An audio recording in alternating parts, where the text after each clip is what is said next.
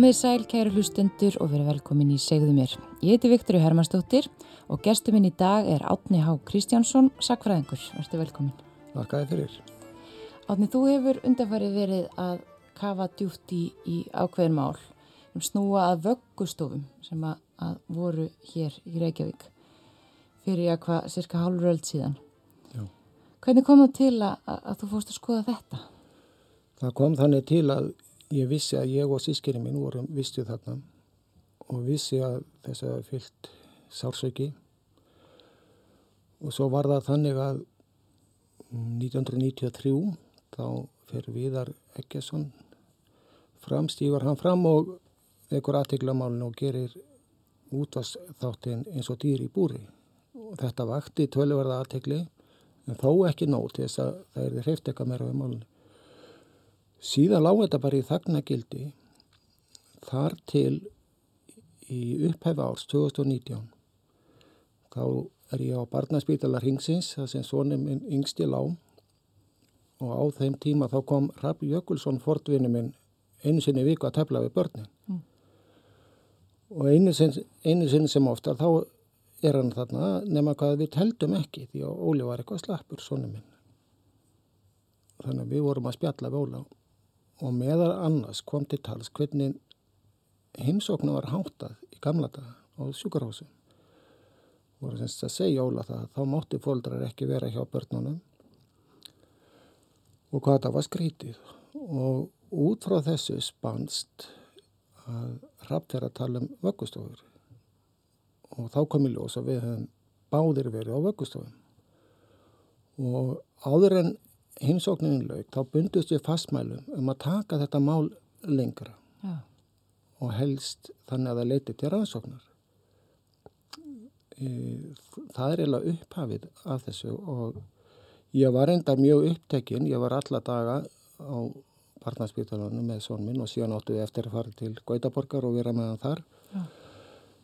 Þannig ég eiginlega geri ekkert í þessu fyrir en uppur áramótum í fyrra þá byrja ég að afla mér gagna og heimilda og þær voru, satt best að segja, ekki mjög aðgengilegar vegna, ég kannski eðli mál sér samkvæmt, þetta er viðkvæmt mál, varðar sjúkraskrár og annað, mm -hmm. en það sem ég fann vakti bara með mér óhug. Þannig ég fyrir að setja það saman þessa sögu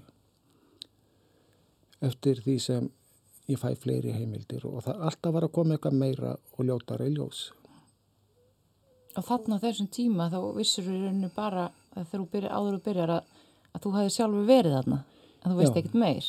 Nei og, og vissi ekkert um það nema ég vissi að þetta þetta allir miklu sársöka í fjölskyttunum vegna þess að tvö sískinni mig sem voru vistu þarna þau annað er að fó í fóstur og hitt var ætlit þannig að það var svona sársöki í, í fjölskyttunni og fjölskyldan sundraðist. Móði minn misti fótana í óreglu og náði sér rauninni aldrei eftir þetta. Þannig að það, það var þetta var sársauki sem fylgdi í fjölskyldinni alveg frá þessum tíma að við sískinu vorum vistu þannig þannig að þetta var svona alltaf, ég var alltaf með þetta baku eira að þetta, þetta þurfti að skoða og ekki síst í ljósi þess að þegar vistheimilega nefndu var að störfum 2010 held ég að það var að skila sinni skíslu eða 11 mm -hmm. þá var ég mjög undrandi að sjá að vöggustofur voru teknar algjörlega út fyrir sviga og ekki er skoðar og ég hafði samband við eitt forsvarsmanna nefndar hennar og spurði bara umhverfla af hverju Já. og svarið sem ég fekk var að það væri engin ástæð til þess að rannsaka svona veldreikin heimili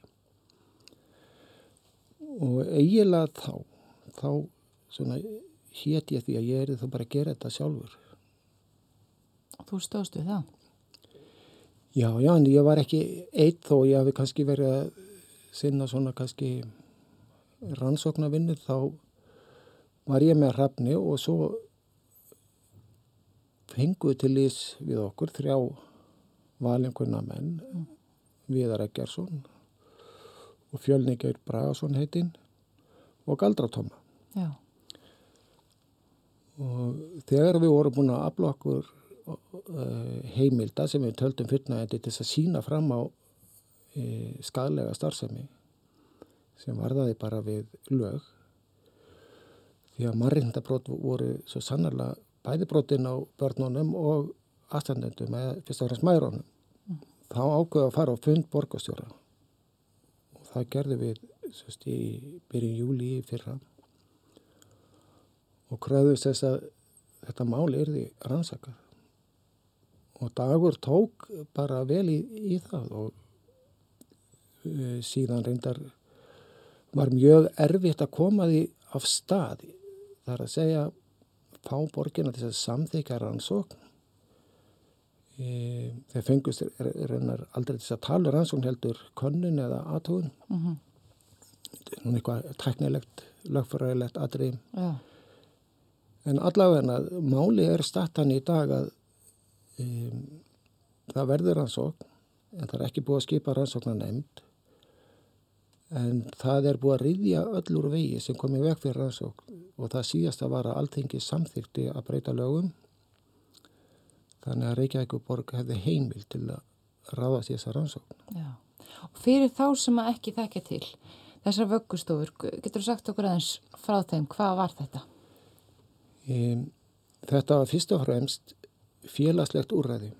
Þetta var hugsað þannig að fátækar og oftast nær einstæðamæður, félagslega yllastattar og veikt bakland, þetta, þetta var að hugsa sem aðstof við þær og aðstofin fólks í því að fjallaði börnin og koma þeim fyrir á vöggustofu. Mm.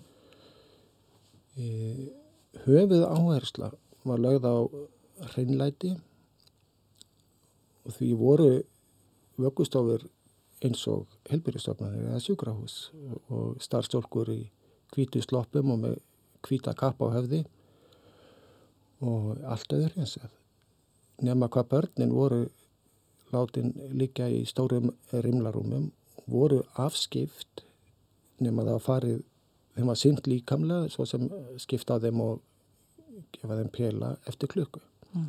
þess að milli var starfsfólki fórbúið að sinna þeim. En að því ég nefndi þessa félagslegu aðstóð þá hefur komið í ljós að það var líka ákveðin kvati, fjárhagslegu kvati hjá félagsmálaugvöldum um að hafa fyrirkomulegi akkurat svona.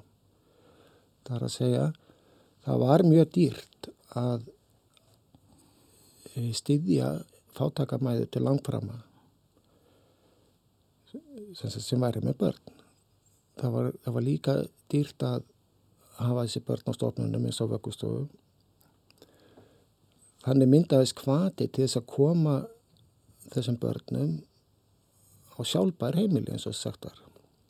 Þá fjall allu kostnaðan yfir. Þess vegna á áránum 1950 til 1970 þá voru um 2% allra fættara barna á Íslandi ætleiti og 1963 þá held Kvennrindafélag Íslands er ástefni vegna þess að þeim ofböð þessi fjöldi. Já. Það væri eitthvað bóið við þetta og þær vildu eða að fátækar stúlkur, einstæðamæður, þeim er þið hjálpað stutta til þess að hafa börnin í staði fyrir að leysa þetta félagslega vandamál sem svo að kallað með því að taka af þeim börnin. Já. En þetta, það hefur lítið verið rætt en um þetta? Já, sko kannski eðlilega þá er þetta viðkvæmt mál því að sem betur fer þá lendur nú líklega flest börnin bara hjá ástríkum og góðum fóreldrum mm -hmm. og bæði fóreldrarn og börnin vilja sem minnst tala um þetta. En það breyti því ekki að forsendu voru mjög vafasamar. Þarna kom fólk því að allt barnlöst fólk vissi hvert átt að leita eftir börnum. Það fór á vökkustofuna skoðaði börnin í gegnum glerið fræga, valdi sér svo eftir að tökum e- eitthvað ákveði barn og um þræði heldu fostuðu konar hverjum tíma og félagsmála yfirvöld. Síðan var það hlutverk félagsmála yfirvöld að leggjast á viðkomandi móður til þess að afsala sér barninu. En þetta var ekki faglæra en svo að eftir að fólk var búið að velja sér þá gæti það skila því og fengið annað Og voru dæmið um það? Já, þá voru dæmið um það. Að börnum verið skilað? Já. Og þetta segir nú kannski mest um það hvað það var ófaglegt. Já. Og þessi gífulegu völd forstöðkonu hverju sinni voru óeðlileg. Hún hafði verið utan þetta. Hún hafði völd þess að fara inn á heimili fólks til þess að meta aðstöðar hvort það ætti að taka börni eða ekki. Þannig að þarna voru kannski bara svona, já, þeir sem voru í betri efnum gáttu komið og, og, og valið sér börn hreinlega eitthvað. Já, já, það var bara svo leiðis og e, mæðurnar sem voru nánast undatekningalöst og lægstu þrepun samfélagsins, Mm. þær áttu engan möguleika því að valda ójaböðu var svo gífulegt. Þannig eru yfirvöld, anspænis e, fátækri, kannski ungri einstæðri móður með veikt bakland. Mm Þannig að þær, þær urðu bara að afsala sér bönnunum og það var náttúrulega mikill þrýstingur frá barnlösum hjónum og nema hvað yfirvöld taka þátt í að létta, létta þrýstingnum með þessu. Það má segja að þetta hafi verið kaup kaups. Allir grættu nema maðurnar. Og þeirra saga hefur nú kannski ekkit farið mjög hátt. Nei, alls ekki. Það er bara ekki heyrst múkum þetta. Þetta hefur leigið í þagnagildi og það eru margar ástæði fyrir því því að bæði þau börn sem voru ættleit og fóröldarnir sem ættleitu þau vilja ógjarnan tala um þetta. Að þetta er viðkvæmt. Þau, Þetta er viðkvæmt og þau náttúrulega fóröldra þeirra og allt þetta. já, og sérstaklega hvernig var staði að ættleingum. Já. Það er, það er, þetta er náttúrulega sko absúrt að þú getur komið á stopnun Mm hortin í sali gernum gler og valið er barn og lappa með það út. Það er, Og hafið þið ykkur á frásagnur um þetta? já, já, já. Já. Og við, við höfum fengið það staðfest að, að það þekktist að börnum að skila því að e, sum börn voru, e, hvað var að segja, ekki fullkominn því að þau höfðu ekki þroskast eðlilega vegna þess að þau voru afskipt og fengu enga örfun sem er náttúrulega börnum bráðnöðsuleg. Sum voru rángægði að tilegð á því að hafa ekkert sjónrænt áreiti og horfði bara upp í kvítlóftið og voru sérst ekki þetta fullkomna bad sem var að vera að leita eftir og, og þá var þá var sá möguleiki eða sá slaki að geta skila því og reynd þá að fá annað. Og þarna erum við að tala bara um kornabörn. Þau eru bara innan við tveggjar aldur þegar ekki Jú, það, það, voru, það var almennt við með bara 0 til 2 ára. Já. Einstaka tilfellum voru þau lengur Mm. eins, eins og við Rækjason, það var nú 2,5 ár, en setna meir, þá voru var sem sagt smíða við, byggt við hérna vöggustofu Torvaldsins félagsins og Álma og þá voru það líka eldri börn. Já, sem að uh, dvöldu þá lengur. Já, en líklega var vesta tímabili, það var frá 1949 til 1963 þegar vöggustofna hlýðarenda var starrekt. Já.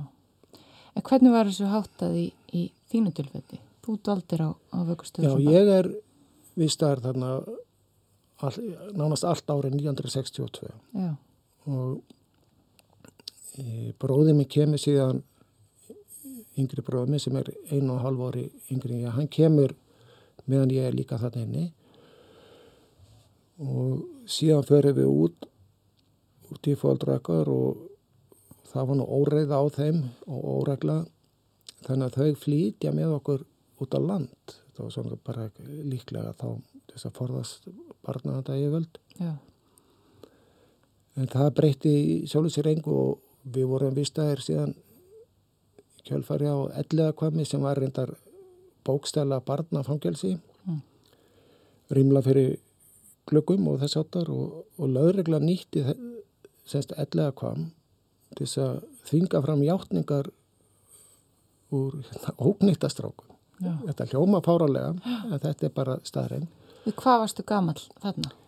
En ég ætla að koma að því, en staðurinn var jafnframt nýttur til þess að vista börn á meðan langtíma úrræði var í leitað og við bræði vorum á þeim fórsöndum, við Já. vorum sérst ekki fangar. Að þið voru ekki ókmynda drengir. Nei, við vorum líklega bara, við vorum það senna en Já. við vorum á litlir og síðan tók bara við e, sílungapollur sem var skelvilegu staður voru mistaðar þar. Og, fle og fleiri stofnanir upptöku heimila á Dalbreyt og svo annað sem ég hef haft mikið áhuga á og það var að félagsmála yfirvöld lokuði gjarnar stofnunum á sömurinn og sendi börnin í sveit. Og það fór þannig fram að það var gert, fór fram útbóð meðal bænda og þeir sem buðu lagsta meðlægið þeir fengu börn í vistun. Já. og þetta var miklu ódýra heldur en að hafa börnin á stofnun og sömurinn því að það þurfti ekki að greiða starfsfólki laun og eh, kostnaði fjall niður eða einhverja fjóra mánuði.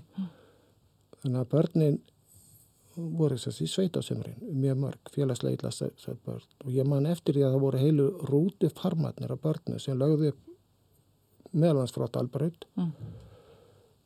Á bæi ringin í Ígulandi og ég var bæði óheppin og heppin á svona sveitabæum Eitt sömari var ég hýttu nánast daglega bara fyrir það eitt að vera til en svo náttúrulega hinn hlýðin á penningum ég lendi á indislegu fólki auðsólti biskustungum og átti þar bara mjög góða vist en svo náttúrulega að því ég var samferða mörgu vistheimala börnum í gegnum lífi þá fekk maður að heyra alveg ótrúlegar sögur af nýðinskap þegar þessi börn voru sveit og, og ég veit bara fyrir vísta stúlku voru misnotaðar og, og drengir hvað hittir þetta var bara það, að vita þetta allir þess að meðal hérna vistheimila partna og þetta er vel þekkt nema þetta hefur aldrei einhvern veginn komið upp á yfirborðið og það er í rauninni galið að einhver bóndadurgur á landi geti bóði látt meðlag og, og fengi börn til sín og, a- hann hefur, og það, er, það er ekkert kannað með bakgrunni eða neitt og þá er barnin bara sendt á það. Og var þetta þannig eins og hjá þér? Voru þá fóreldraðinir að reyna að fá ykkur aftur eða? Já, já, ítrekkað.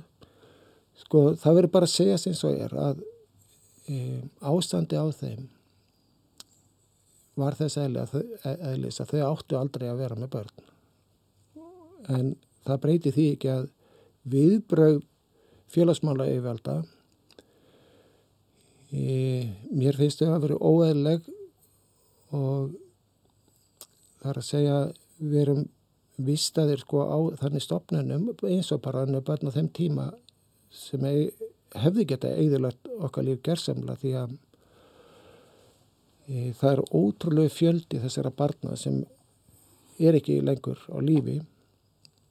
E, það er margir lendu mikill óreglu sjálfsvíktiðinni há. Og margir sem að þú já, já, á já, já, tíma já, og og þekkti þekktir? já, já, já. Þannig að þetta var ég hef aldrei skilið, það er þess að þröskuldur higgjuvits og manngæsku hafi verið eitthvað mikið herri á þessum árum því að meðferð af börnum var svo óeðlileg og, og, og hrópandi og ósamræmi við bara heilbriða skynsemi sko. það myndi ég segja eins og eins og bara starfsættur á vöggustofum Já. En nú elst þú að mestuleitt upp á vöggustofu, vistheimilum já, já, og svona. Hvernig, hvernig fór þetta með þig? Hvernig, hvernig, Ég er náttúrulega, þegar ég er 16 ára, þá, þá maður var sjálfráða 16 ára þá, þá sem sagt líkur stofnuna tímabilinu og ég lapp út í lífi bara með tvær hendur tómar. Og er rosalega tættur og réð ekkert við tilfinningarlega sársöka sem ég var að klíma við. Ég var bara með þungt fyrir brjósti og fann þeir eru óskilgrendum ótt og skildi ekkert í þessu sko. Og kunni ekkert að takast á þetta. Og ég tók náttúrulega ég leitaði að einhvers konar líkn í, í brennivinn og dópi tók svona rækilegar lotur í því. Og sagt og hafði ekkert bakland. Eina baklandi sem ég hafði þarna það var móði mín. En því miður sko á þeim tíma þá var heimileg hennar helsa greni sko vestu bara drikkjumanna bæjarins. Já. Þannig að þetta, það er svona, ég veit ekki hvað að segja, aðstæði voru slæmar. Já, þannig þegar þú kemur út þá er ekkert, enginn sem að fylgja þér eða ekkert sem að, Nei, nei, ekkert sem að teku við. nei, Nei. ekkert. En sko, þessi tvö sískinni mín af fimm allsískinum sem, sem lengt annars að höfru fólki, þau losnuðu við þetta sem betur fyrr. En við hinn þrjú, við lendum í erfileikum en vorum þá stóðum í lappirnar. Og, og eins og fyrir galdur þá misti ekkert okkar algjörlega fótana þannig að við, við náðum alltaf að menta okkur og eignast fjölskyldur. Og erum ósköp eðlegi smáborgar í dag. Já. En þegar þú fer að skoða vökkumálið og, og vökkustofumálið og þetta allt að fer að kafa svona djúft ofan í þessu mál, Já. er þá eitthvað nýtt sem að, að, þú ferði uppkvita? Já, já. Þessu sem- varðandi þig og, og Já, já, já, já. Bæði almennt og svo fjölskyldunum persónlega eftir því sem ég fekk fleiri gögn í hendur. Það sem slóð mig samt mest er að vittneskjan um skaðsemi starfsáttarna hún var mannum og helbriðið séfjöldum í Íslandi ljós nánast frá upphafi. Mm. Erlendis láð þetta fyrir á strísárunum og jafnvel fyrir stríð. En 1952 fara þrýr fulltrúar íslenskara heilbyrðið séfalda til Noregs að ráðstefnu. Og yfirskrift ráðstefnunar var e, tengslaröskun barna og þar er einmitt fjallað um vöggustofur og hvað þetta hafi skadleg áhrif að rjúfa tengsl og að börnin bara vestlast upp fyrir vikið. Mm.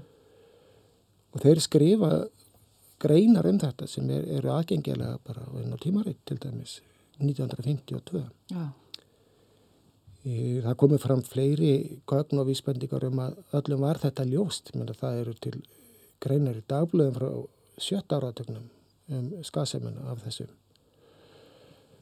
Þannig að það er óafsakalegt að eins og maður hefur verið oft heyrt núna undanförnu að þetta hefur verið tíðarandi, fólk hafi ekki vita betur, fólk hafi gert sitt besta, þetta er allt ránt. Mm. Eftir stendi þá, af hverju var þetta við líði í 30 ár eftir að manni var ljós skaðsemin. mm, Það er ekki gott að segja og ég trúið ekki að fólk sagt hafi verið svona vond. Ég, nefndi áðan fjárhagslegu kvati. Það er eitt. Annað er og líklega er það svona nærtækari skýring. Hún er svo að þessir eh, skjólstæðingar félagsmála yfirvalda þau voru úr lægstu þrepin samfélagsins. Þetta voru börnin úr slömminu, þetta voru börnin úr höfðaborg, þetta voru börnin úr múlakampnum. Mm. Mæðurnar voru fátækar, oft fyrirlitna fyrir að vera einstæða mæður og ungar með lausalegs börn. Höfðu ekkert bakland og í rauninni á þeim tíma enga forsendi til salu barn, það er að segja án stuðnings. Og ég held að meðferðin á þessum börnum og maðurinn þeirra stafi fyrst og fremst að fordómi. Þa, það sé svona stæsti þátturinn í því hvernig komið var fram því að það er ekkert eðlert við þetta. Þetta er óverjandi og það er skýring á öllum hlutum. mhm, Auðvitað finnur hann ekki á bladi en þetta er svona nærtækasta skýringin því að stjættaskipting var náttúrulega mun meiri á þessum tíma fyrir 50, 60, 70 árum. já, það er bara átt að losa sig við þessi skýtugu börn. Já, og svo þessi fjárhagslegu kvati að það í mikil sparnaður með hverju barni sem fór að sjálfbart heimili. Já, Það var mikil sparnaður. mhm, einmitt. En þetta með að, hérna, þetta þau sem hún nefnir með tengsla, tengsla myndununa og, og þessi, þetta róf sem að verður, Já, er þetta eitthvað sem að þú hefur upplifað sjálfur? já, sko, ég, ég veit ekki hvernig ég get líst í en ég, mér fannst alltaf eins og eitthvað að vera að hjá mér. Ég átti erfitt með að vera innunum fólk. Ég var félagsvælin ég treysti í illa fólki. Og þóldi lengi vel ekki snertingu þannig að síðan kom ég ljósa að þetta er allt þekkt enginni og líka sér óskilgrendi ótti að vera með óttatilfinningu á þess að hafa hugmyndum afhverju þetta er svona sammert með vöggustofubörnum mjög mikið og líka þetta að finnast maður einski svirði mm. það ég fann mjög mikið fyrir því og það var alveg sama hvort að mér gekk vel í íþróttum eða í námi eða einhverju. Mér fannst ég, það, það breyti ekki þessari tilfinningu að maður veri einski svirði og það er eins og það er bara verið þá lamið inn í DNA eða eitthvað að þú værir einski svirði vegna þess að þú fjæst aldrei neina svörun og það var alltaf komið illa fram við þig, ekki viljandi, heldur eðli starfsáttarna bauði ekki upp á neitt annað en skjálfilega meðferð á öllum þessu börnum. Mm, það vantaði þessi tengsl, þessi tengsl og hlýju og nánd og... Sem er forsenda fyrir því að börn þrývist. Já.